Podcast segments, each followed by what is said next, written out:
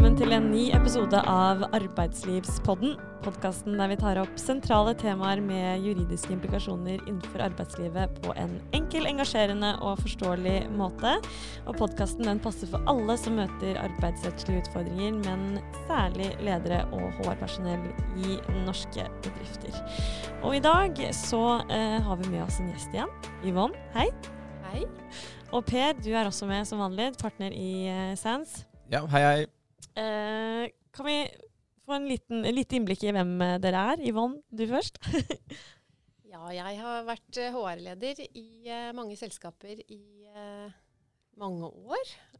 Og nå driver jeg et selskap som heter Amesto People and Culture. Som hjelper bedrifter bl.a. med konflikthåndteringer. Men alt av strategisk HR. Alt fra lederutvikling, kulturutvikling, HR for hire. Um, og mye personlig rådgivning til ledere rundt omkring. Ja, og jeg eh, driver jo med det jeg pleier å drive med. Det er eh, arbeidsrett eh, her i SANS, og hvor også konflikthåndtering er en av de tingene vi bidrar med. Yes, og det er akkurat det vi skal snakke om i dag. Det er uh, konflikthåndtering i arbeidslivet. Yvonne, du, du sa at du, dette er noe du jobber litt med av uh, veldig mange uh, viktige ting. Men nå, skal vi snakke om det, da. Ja. kan du fortelle litt oss om din erfaring med konflikthåndtering? Ja, altså jeg er egentlig ikke så Eller sånn personlig, da, så kan kanskje mange kalle meg for konfliktsky.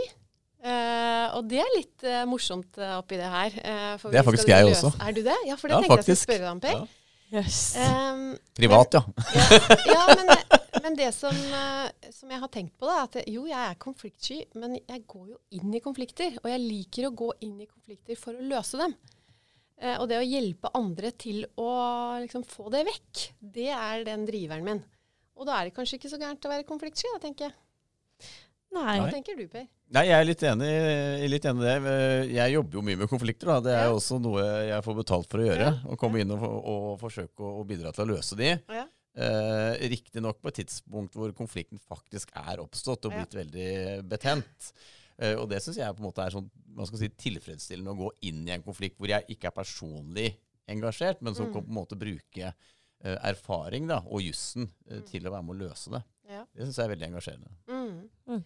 Og det, er, det syns jeg er litt spennende. For at uh, i tidlig i karrieren uh, min så var jeg egentlig ganske redd for advokater. Uh, jeg syns det var litt skummelt. Og det tror jeg mange i næringslivet også syns i dag. At når advokatene kommer inn med dressjakka si, da er det alvor. Ja. Ikke sant? Um, sånn at jeg, jeg syns det er litt ålreit å bli kjent med deg, Per. Mm du er ikke så skummel? Nei, jeg håper og tror nei, ikke det, altså. Nei. Og privat så tror jeg ikke jeg er kjent som veldig skummel, i hvert fall. Nei. Ja. Nei. Men det er nok litt det du sier i forhold til å, å um, Den, den tittelen bærer jo uh, et visst altså, ansvar, og alle mm. har et sånn et inntrykk av hvordan en advokat skal være. Mm. Og det er jo sånn Når advokatene kommer på banen, da føler man ja. jo at nå er, ja, nå er det alvor. Ja. Nå er det noe som man ikke går inn og løser. Det er nok også Når det gjelder arbeidskonflikter og konflikthåndtering i arbeidslivet, så, så, er nok det også delvis riktig. Fordi at vi kommer jo ikke inn på et tidlig tidspunkt. Altså Vi kommer gjerne inn på et tidspunkt hvor man må gjøre noen drastiske grep da, mm. For å løse opp i det. Eh, og, og da, da, blir jo alvorlighetsgraden også litt mm. deretter.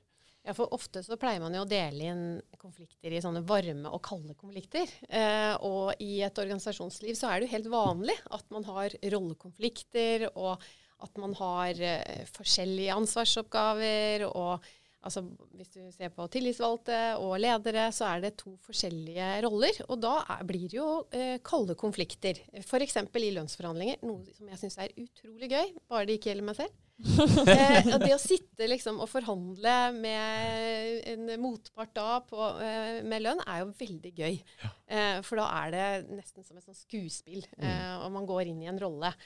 Og så kan man gå ut etterpå og eh, spise lunsj sammen og ha det morsomt sammen eh, sånne type konflikter, da blir ikke du så ofte involvert. Nei, veldig, veldig sjelden. Så du får ikke vært med på den moroa, du? Nei, ikke Nei. på de morsomme vi, vi, forhandler mye, men da ja. er det også en forhandling ja. når konflikten er, da er det varme oppstått. Ja. Så det er forhandling, en varm konflikt. Ja, det er ja. Og da er det jo ofte um, at um, det er noe personlig, uh, og at um, ja, man blir nesten litt sånn fiender. Ja. ja. På det tidspunktet ja. så vil jeg si at det er ganske stor grad av fiendskap mellom arbeidstaker og arbeidsgiver. Og det er jo gjerne, altså når vi er i den forhandlingsfasen der, mm. det er jo da egentlig etterkant av konflikten, eller konflikten mm. lever, men da man har tatt et drastisk grep. Er ofte hvor da arbeidsgiver har sagt opp arbeidstaker mm. fordi han ja. eller hun har vært en del av en konflikt som på en måte må, uh, må løses. Ja. Uh, og da er det jo et alternativ til å la dette ende i rettsapparatet, er jo å forhandle om en løsning. Ja. Og det er jo noe av det vi kanskje driver mest med. Ja. Mm. Ikke sant? Og da har du kommet litt langt Vi sier at vi har sånn konflikttrapp. Ja, da, er vi helt på slutten. Da er trappa opp i den trappa når du kommer uh, på banen. Ja. Nå har dere snakket om to typer her. Kald, ja. Kalde og varme ja. konflikter. Eh, er, er, det kanskje sånn at de kalde er mest normale, da? Eller eh, hva er det vi ser eh, oftest? Det som eh, krever mest ressurser, er jo de varme konfliktene. Eh, som tar lang tid kanskje å løse opp i, og som kanskje aldri blir løst opp i.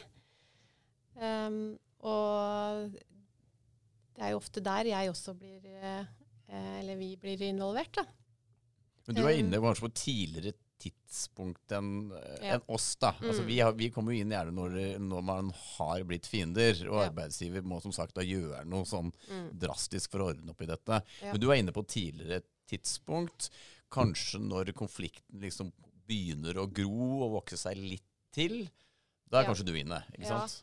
Og det kan jo være at man har omorganisert, f.eks. Ja. Og så er det for, altså, da blir det jo forskyvning i makt. Eh, man mister eh, kontakt. Man mister kanskje um, et samarbeidsfora, eller du mister en kollega fordi du ikke er i samme fora lenger.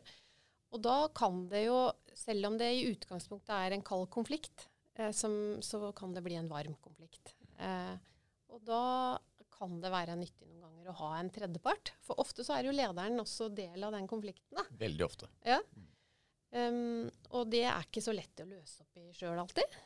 Uh, og jeg ser også um, mange ganger så, så, undervurderer medarbeidere sin egen rolle da, på hvor de kan ta, selv ta tak i ting. Med å altså, altså enten at uh, de, Du nevnte i stad at noen slutter ikke sant, fordi at lederen ikke er bra. Um, men det kan være lurt å si det til den lederen først, før du slutter. da. Eh, for at mye kan løses ved å være, være direkte og fortelle hvordan det er. Mm. Men i de tilfellene der man prøver, da, for jeg kan jo se for meg at det er mange som eh, eh, OK, nå sier jeg ifra. Mm. Men så møter man kanskje ikke forståelse eller eh, mm. Eh, lyst til endring på ja. den andre parten. Mm. Hva gjør man da? Ja, eh, Veldig mange bedrifter har jo verneombud og tillitsvalgte. Eh, det har man jo selv om man ikke er, eh, har en HR-avdeling. Eh, da vil jeg ha involvert en tredjepart, hvis ikke det går å eh, bli enig med lederen. Mm. Eh, har du en HR-avdeling, så er det jo det naturlig å gå dit. Så det er jo sånn som vi jobber med. Mm.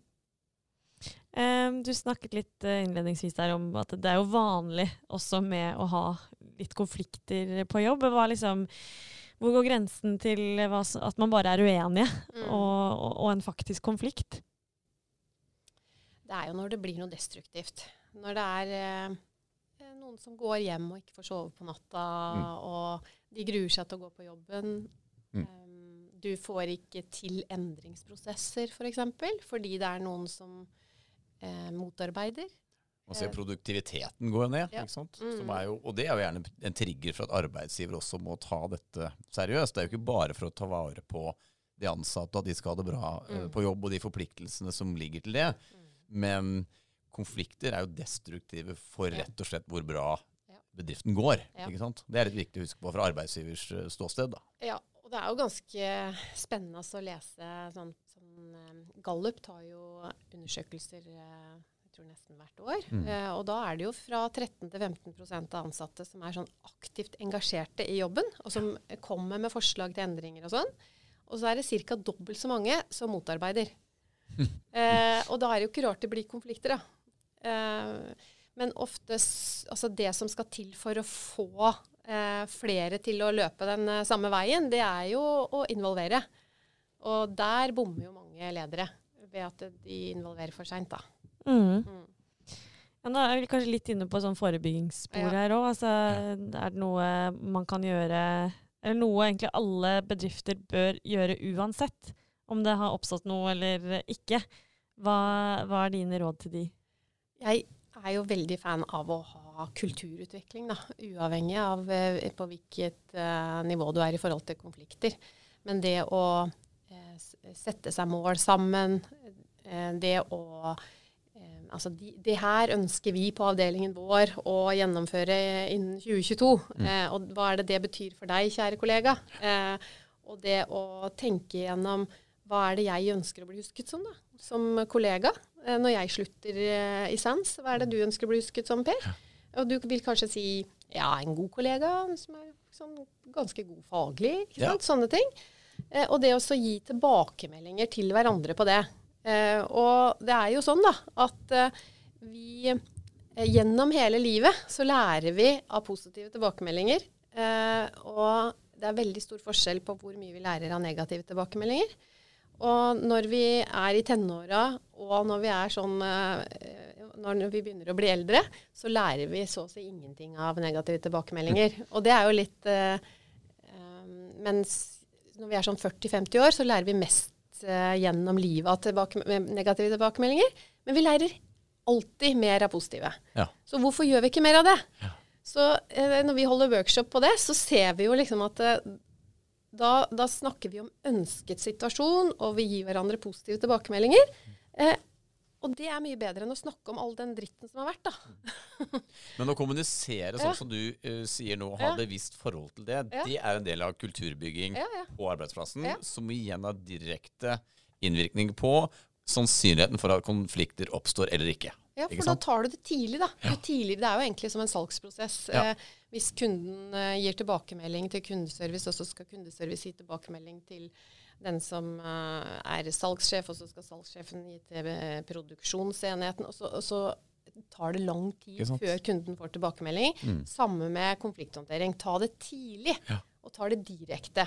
Så det er veldig ofte som uh, folk har kommet til meg og så sagt å, det, den lederen er så uh, vanskelig, eller den medarbeideren er så vanskelig, jeg føler eh, at jeg ikke blir sett, eller Og da Det første spørsmålet mitt da er har du sagt det til den personen direkte? Fordi at det, bare å komme til HR for å på en måte klage da, mm. Eh, over noen andre, eh, da blir det gjerne konflikten større hvis jeg skal ta det videre med leder eller med den medarbeideren. Det er mye mm. bedre at de sier det direkte.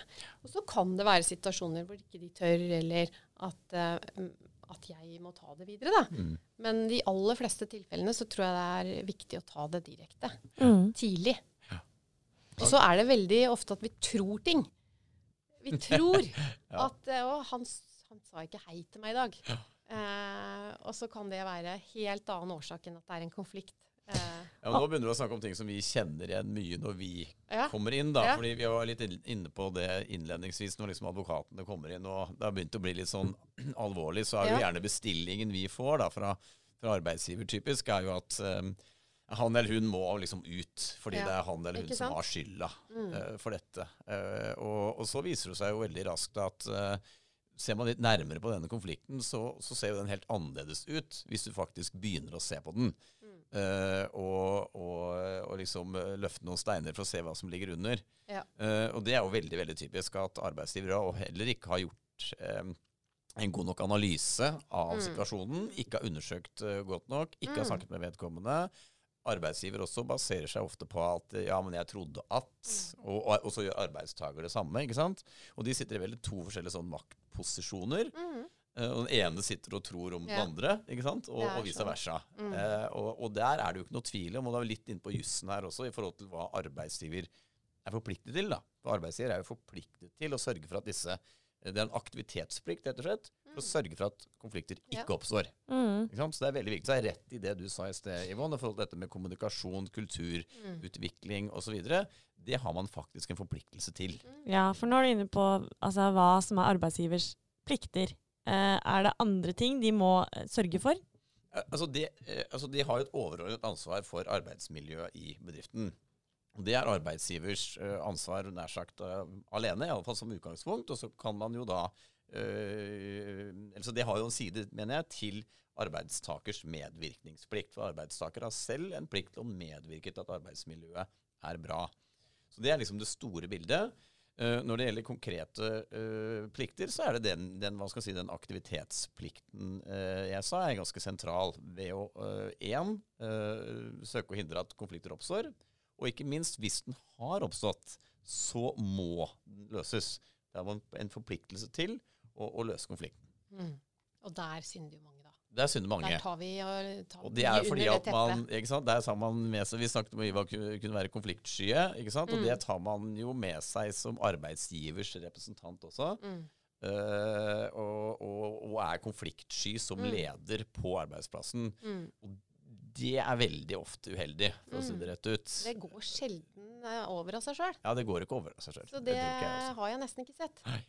Nei, og la oss si dette skjer, eh, og en ansatt bare 'Dette orker jeg ikke. Jeg sykemelder meg, jeg'. Ja. Hva skjer da? Det skjer ofte. Mm. Ikke sant? At ja. du, det blir så vanskelig, mm. og man tror at den andre ser ned på en. og Det kan mm. være masse baksnakking, og man føler seg utestengt og alt sånt. Og da eh, ender det ofte opp med at det er en eller annen som blir sykemeldt.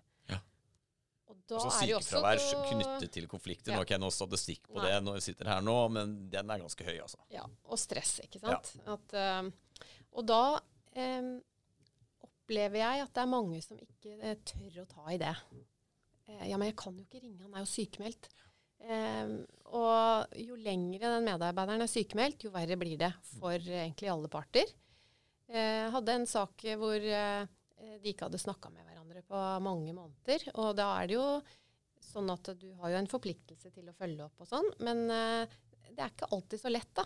Når den kanskje den sykemeldte ikke tar telefonen og, og sånn. Og da er det greit å få noe hjelp til å løse opp litt der. og Dilemmaet til arbeidsgiver er at virksomheten mm. må jo gå videre. Ja. Så kan ja. du ikke stoppe opp av, av den grunn heller. Nei.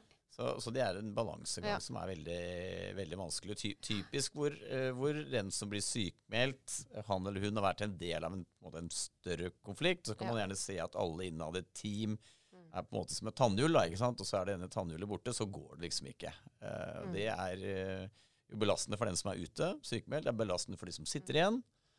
de øvrige medarbeiderne som ikke får gjort jobben sin. Teamet leverer ikke, avdelingen leverer ikke, osv. Mm. Eh, og selvsagt frustrerende for arbeidsgiver som sitter der. Eh, ja. Så, så, dette, det er, det er, en veldig ond sirkel som er veldig skadelig for veldig mange involverte. Mm. Og, og, det er jo igjen tilbake til det mm. forebyggende. Da. Ja, og så Det er litt interessant, for jeg så en undersøkelse av McKinsey nå på hvorfor er det folk slutter i jobbene sine. Og eh, ledere tror at de slutter eh, Den største årsaken er lønn og utviklingsmuligheter. Men det, det sier ikke de som slutter. Eh, det er eh, tillit. Eh, til at eh, både med kolleger og leder. Eh, og det er fleksibilitet, og det er omsorg av kolleger. Ja. Ikke sant? Og det, der undervurderer vi også ofte ja. at ring en kollega. Altså Jeg hadde en samtale senest i dag hvor en var blitt sykemeldt pga. en konflikt. Og så sa jeg ja, men kan du ikke bare ringe han, da? Kan jeg det? Ja, det er klart du kan det. Send en SMS og spør om dere kan ta en prat. Mm. Eh, for at, eh, det er ikke sånn at problemet blir borte selv om den ansatte er borte eh, fra jobben.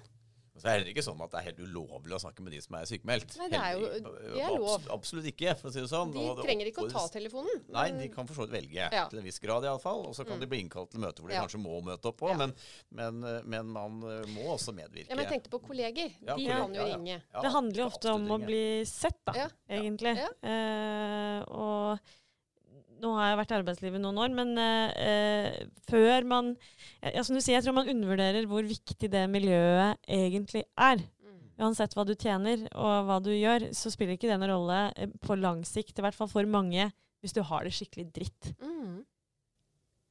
Og så er det én ting som jeg tror eh, vi undervurderer i forhold til det med forebygging og sånn, og det er at og det å trene på det å kommunisere, eh, og det å se hverandre, og det å akseptere at vi er forskjellige. For det er jo mange undersøkelser som viser at eh, forskjellighet og mangfold gir også bedre resultater mm. hvis man eh, jobber i samme retning. Ja. Eh, og det å, å, liksom respektere at vi er forskjellige, da. Og eh, noen eh, noen er veldig opptatt altså Vi er jo forskjellige personligheter. ikke sant? Noen er veldig opptatt av tall og fakta, andre er opptatt av å gjøre ting. Andre, noen er, liker å spørre hvorfor er det sånn, mens andre er kanskje mer eh, lurer på kan vi gjøre det på en annen måte. Og da, Bare det at vi er så forskjellige, kan jo gjøre at uh, vi ikke forstår hverandre, og at eh, det kan bli konflikter av det.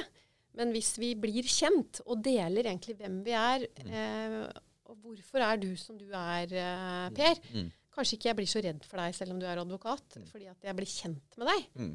Um, og vi har alle vår historie. ikke sant? Alle har vært gjennom noe vondt og vanskelig. Uh, og når man deler sånne ting og viser sin sårbarhet, så er det også blir vi også Tror jeg også konfliktene blir uh, mindre, da. Mm. Så rett og slett en uh, mer åpenhetskultur, da. Og kanskje ja øh, hva skal jeg si, rett og slett by litt mer på seg selv. Ja. Tørre det. Også som leder, ja. Også som leder. Ja. Ikke sant? Mm. Fordi at uh, Skape mindre distanse mellom ledelse og ja. si, vanlig ansatt. Ja. ja. Men i praksis, da, altså sånn når vi snakker, dette er jo veldig fine ting, ja. men uh, i bransjer der det er veldig høy konkurranse og litt spisse albuer, og mm. uh, man skal egentlig være litt sånn steinhard uh, fra morgen til kveld, liksom. Eh, hvordan kan en leder gå inn der og skape det rommet? Det er kanskje et veldig stort spørsmål, men eh. ja. Jeg har jo sett at det er advokatkontorer også som gjør det her. Ja. Ja, og snakker om eh, Hvor øverste leder også snakker om Jeg tror det også lederen deres eh, gjør det. Ja, helt klart. Uh, jeg, jeg, tror det er viktig. Men jeg er enig med deg, Gita, at det er jo ikke alle uh, steder det er sånn. Og det er, det er nok mange steder man, hvor man ikke kommer dit på en stund. Uh, steder som er veldig sånn hierarkiske, og det er en annen sjargong. Det sitter nok uh, kanskje litt langt inne. Men jeg tror det viktigste da fra sånn ledelsesståsted, også som har en klar side liksom mot jussen, det er at det er, det er, klarhet og tydelighet og liksom rettferdighet og fortsatt god kommunikasjon. da. Uh, selv om den kanskje ikke er så, så soft, holdt jeg på å si, som man kanskje vil ønske noen andre steder. Sånn at man fortsatt opprettholder eh, en god kommunikasjon og et samarbeid med de ansatte. Altså, du ser også i Forsvaret, ja, ja. Eh, de som egentlig er så tøffe, ja. Eh, de jobber jo masse med selvledelse og med å dele hvem man er og sånn. Fordi at når de står i krigen, mm. så skal de kunne stole på hverandre. Så det, jeg har tro på at det kan gjøres overalt. Ja. Mitt inntrykk er også at de fleste steder er bedre enn det man var før, i hvert fall. Ja. Ja. Eh, men det finnes nok unntak, da. La oss si nå, det, nå har det oppstått en konflikt. Ja. Hva kan arbeidsgiver gjøre? Ja, altså, Dette kan Yvonne si mer om. En sånn rettslig ramme har jeg vært litt inne på. Altså For det første så, så, så må du gjøre noe. Altså Du har en forpliktelse. Både til de som er direkte involvert, og de som er indirekte involvert i konflikten. Så det er det første. de ansatte de har også en medvirkningsplikt, som jeg nevnte i sted. Så du skal kunne forvente at de som er involvert i konflikten, de bidrar til å, til å løse den. Mm. Og det er noe vi ofte ser at nesten sånn uavhengig av skyld til at konflikten har oppstått, så ser vi veldig forskjell på hvem som bidrar til at konflikten løses eller ikke. Og det er som jeg sier til at jeg syns det er verre og, og, kan være grunnlag for reaksjoner fra arbeidsgiver hvis de ikke medvirker til å løse konflikten når det blir bedt om det enn at de eller kanskje de eller den er skyld til at konflikten har oppstått i utgangspunktet. Det er mye verre å stille seg på bakbena da. Og det må arbeidstakere være forsiktige med. Så det er veldig sånn klart uh, råd, vil jeg si. Uh, og så er det jo, går det arbeidsgivers styringsrett, som det heter. Altså hva, veldig sånn enkelt hva arbeidsgiver har lov til å gjøre eller ikke. Uh, den går veldig langt hva, hva, gjelder å fordele arbeidsoppgaver, endre team, flytte medarbeidere osv. Alt dette ligger liksom innenfor arbeidsgivers styringsrett. Så, så, der må arbeidsgiver være, ikke, ikke, være redd for at de liksom er bundet opp i at ja, og jeg får ikke lov til å flytte den dit og, og ta den ut av team og endre teamsammensetningen og sånn. Det vil du ha lov til å gjøre som, som arbeidsgiver. Så det er lov til å gjøre en, en del sånne klare grep, da. Og så er det mm. mye annet rundt konflikthåndtering, da, eh, Yvonne, som jeg tror er viktig. Ja, også når vi gjør sånne ting, da, selv om det er lov, og selv om vi har arbeidsgivers styringsrett og sånn, så blir folk lei seg. Det er riktig. Eh, og de føler seg tråkka på, ja. og de blir kanskje redde. Ja. Og når vi er redde, og når vi får frykt, så kan vi gjøre mye rart. Mm. Eh, vi kan gjøre mye irrasjonelt. Um, og, så, så, det som uh, er viktig, er jo liksom å se den, den som du har flytta fra mm. et sted til et annet. Uh, og sørge for uh, oppfølging, og at andre også drar det med og sånn. For ellers så kan det, det kan jo bli din bane som leder. Da. Ja. Det kan bli. Og mm. så er det viktig at før man tar hva skal si, de drastiske grepene, da, mm. for å la oss si flytte noen ut, mm. så, så, er det jo Og det eh, ser man jo til med rettspraksis, at vektlegges om på en måte arbeidsgiver har gjort jobben sin eller ikke, er om man prøver hva skal si, de, de minst inngrepende tiltakene først. da. Mm. Ikke sant? Begynne der. Begynne å snakke. Begynne å få inn kanskje en konsulent, organisasjonskonsulent, øh, psykolog for den del, mm. for å prøve å løse opp i dette. Så jeg vil tenke at sånn, sånn ytterste konsekvens, altså helt ytterste konsekvens, det er jo gjerne oppsigelse uh, av en eller flere hvis dette ikke løser seg. Men det er veldig, veldig, det er veldig langt frem. Men før det, altså hva skal si, omplasseringer Hvis du skal gå dit, så må du også gjøre en ganske stor jobb mm. før du kommer dit. Du skal mm. prøve mye før du gjør noe så drastisk som å flytte en ut av den oppståtte konflikten. Mm. Og så er det veldig viktig å ha med seg også at man må ikke fordele skyld for å gjøre disse grepene. Ikke mm. sant? Du trenger ikke å A, B, hvem, hvem har skylda A, B eller C. Vet du hva, Det som er det, det beste løsningen er uansett at vi flytter B. Eh, det er det vi ser på som det mest hensiktsmessige. Det vil løse konflikten. Og det er ikke fordi at B har skylda. Ikke sant? Det er litt viktig. Mm. Ja, og så opplever jeg mange ganger at um, um, mange, mange, ønsker egentlig bare å bli lytta til, da. Uh, før de blir ferdig med ja. saken. Så det også eh, For, for uh, hvis du sitter der som leder, og så får du, uh, får du liksom den ene knyttneven etter den andre på, fra den som har blitt flytta, f.eks. Ja, ikke sant. Mm. Det er ganske vanskelig å høre på. Uh, men jeg har jo trent ledere i det, å bare være stille. og bare høre på. Mm. Og så jeg husker det var en leder jeg gjorde det på, så sa jeg nå skal du si, bare si unnskyld. Ja, Men jeg har jo ikke gjort det. Nei, men du kan si unnskyld at dette her var ikke noe ålreit for den personen å oppleve det. Og ja, men det var jo ikke jeg som gjorde det. Nei, men det var ikke du som gjorde det. Det går an å si unnskyld. Eh, for det er en veldig vanskelig situasjon for den som sitter der. Mm. Eh, og da gjennomførte vi møtet. Og da, da hadde jeg jo snakka med begge parter i forkant, så jeg visste hva de kom til å si. Og da eh, Den som var rammet, da, den fikk liksom eh, snakka om hva, sine følelser. Og leder sa unnskyld. Eh, og da løste konflikten seg i at den personen slutta. Eh, det var det som ble enden på reisa her. Men, ja. men, det løste seg i hvert fall da, så, til beste for begge parter. Mm. Ellers så hadde det kommet til retten. Ja. Så, um, men det du sier at det er eh, jeg, altså jeg har jo hørt at det er viktig å lytte, sånn på mm. privaten, for å ja, si det sånn. Du har det. ja. Eh, men du mener at det gjelder i arbeidslivet òg? ja, kanskje. Altså det um, har veldig tro på det, og jeg prøver å øve, og jeg er ikke så god på det. Men det å, å lytte for å forstå, ja. ikke for å bli forstått. Mm. Ikke sant? Da kommer du ganske langt. Ja. Hvis du klarer å tenke sånn i samtaler med mennesker. Mm. For, um, og når det er en konflikt, og det å prøve å forstå hva er det som ligger bak her. For det kan være ting som du ikke ser. Uh, det kan være en eh, at du er lojal til en kollega som har slutta for fem år siden, eh, som du skal hjelpe. Altså, det kan være ting som du som leder ikke ser, og du forstår det ikke i det spillet. Eh, og det å prøve å forstå hva mm. er det som ligger bak her, og hva skal til for at du blir fornøyd. Mm. Ikke sant? Og så heller stille deg ikke hvis man snakker Man kan gjerne snakke to timer om alt, all den dritten som har vært. Eh, noen trenger det for å tømme seg. Mm. Eh, men så må vi begynne å se ok, men hva skal til da, for at du skal ha det bra på jobben. Og se på løsninger. Ja. Eh, da, og ofte så er jo det de samme tingene som både leder og medarbeider ønsker. Eh, og da ser vi heller på ok, vi, vi ønsker oss dit. Hva skal til for å komme dit, da? Mm. Eh, løsningsfokusert tilnærming kan man jo kalle det. Ja. Eh, men før man liksom bestemmer seg for hvordan du skal løse konflikten, så er det jo viktig å se på ok, hvordan er det konflikten kommer til uttrykk. da? Mm. Hva er årsaken til denne eh, konflikten? Og hvordan har det blitt håndtert så langt eh, nå? Og hva er forutsetningene for å løse denne konflikten? Det er egentlig sånn fire sånne tips til å mm. eh, tenke gjennom før du skal løse den. Mm. Når dere, det oppstår en konflikt, da, Ja. eh, og disse invol involverte partene føler at her er det eh, person A som Altså, jeg blir trakassert på jobb. Mm.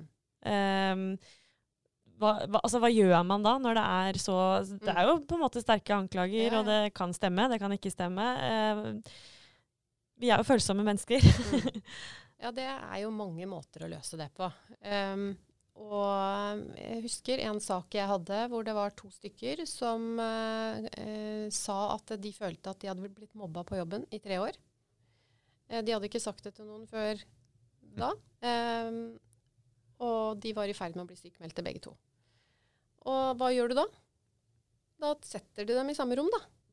Eh, først så måtte jeg jo, og leder da, snakke med den, de som da var eh, såkalte mobbere, og presenterte problemstillingen for dem. Eh, og så satte vi de fire i samme rom.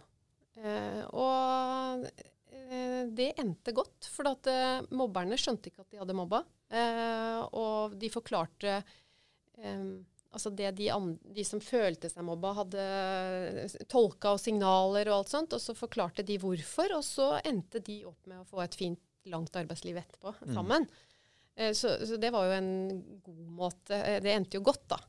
Um, men eh, det kan jo også være trakassering hvor uh, den som Altså, da må man jo finne ut om det er riktig, da. Og her er det jo også ofte Ja advokatene kommer inn i bildet òg. Ja. Eh, ja, det viktigste er jo uansett, som vi har nevnt nå flere ganger, er at når disse situasjonene oppstår som du tegner et bilde av, Gita, at man faktisk gjør noe. Eh, og, og det du sier der, for at man, ok, man får snakket med de, arrangert et møte, mm. få, få luftet dette, så, så kan det løses. Og så er det klart at det er jo en, del opptreden på arbeidsplassen som nær sagt uansett er uakseptabel, og, og kan utgjøre også grunnlag for oppsigelse. ikke sant? Eh, Som arbeidsgiver da må vurdere hvis det kommer, kommer anklager om, eh, om dette, så må man undersøke om det, eh, om det stemmer. Og de prosessene her eh, de bør jo også da si, dokumenteres. ikke sant? Man må ha eh, møter hvor det skrives referat osv. For disse tingene kan jo også bli brukt i en oppsigelsessak. fordi de alvorligste tilfellene her kan det godt hende at arbeidsgiver bør ta tak i som en oppsigelsessak. ikke sant? Ja. Altså mobbe- og trakasseringstilfeller. Ja. Så lenge man har gjort en, en, en god jobb i undersøkelsene da, før, Mm. man, før man konkluderer. Jeg anbefaler alltid å ta det direkte først, da, med Ja. den som eh, Altså hvis det er en som har atferd som man Mm. ikke aksepterer, så Ja. det jo, gjør man som man, som man gjør på skolen, da. Si Ja. stopp. Helt klart. Det er ikke greit.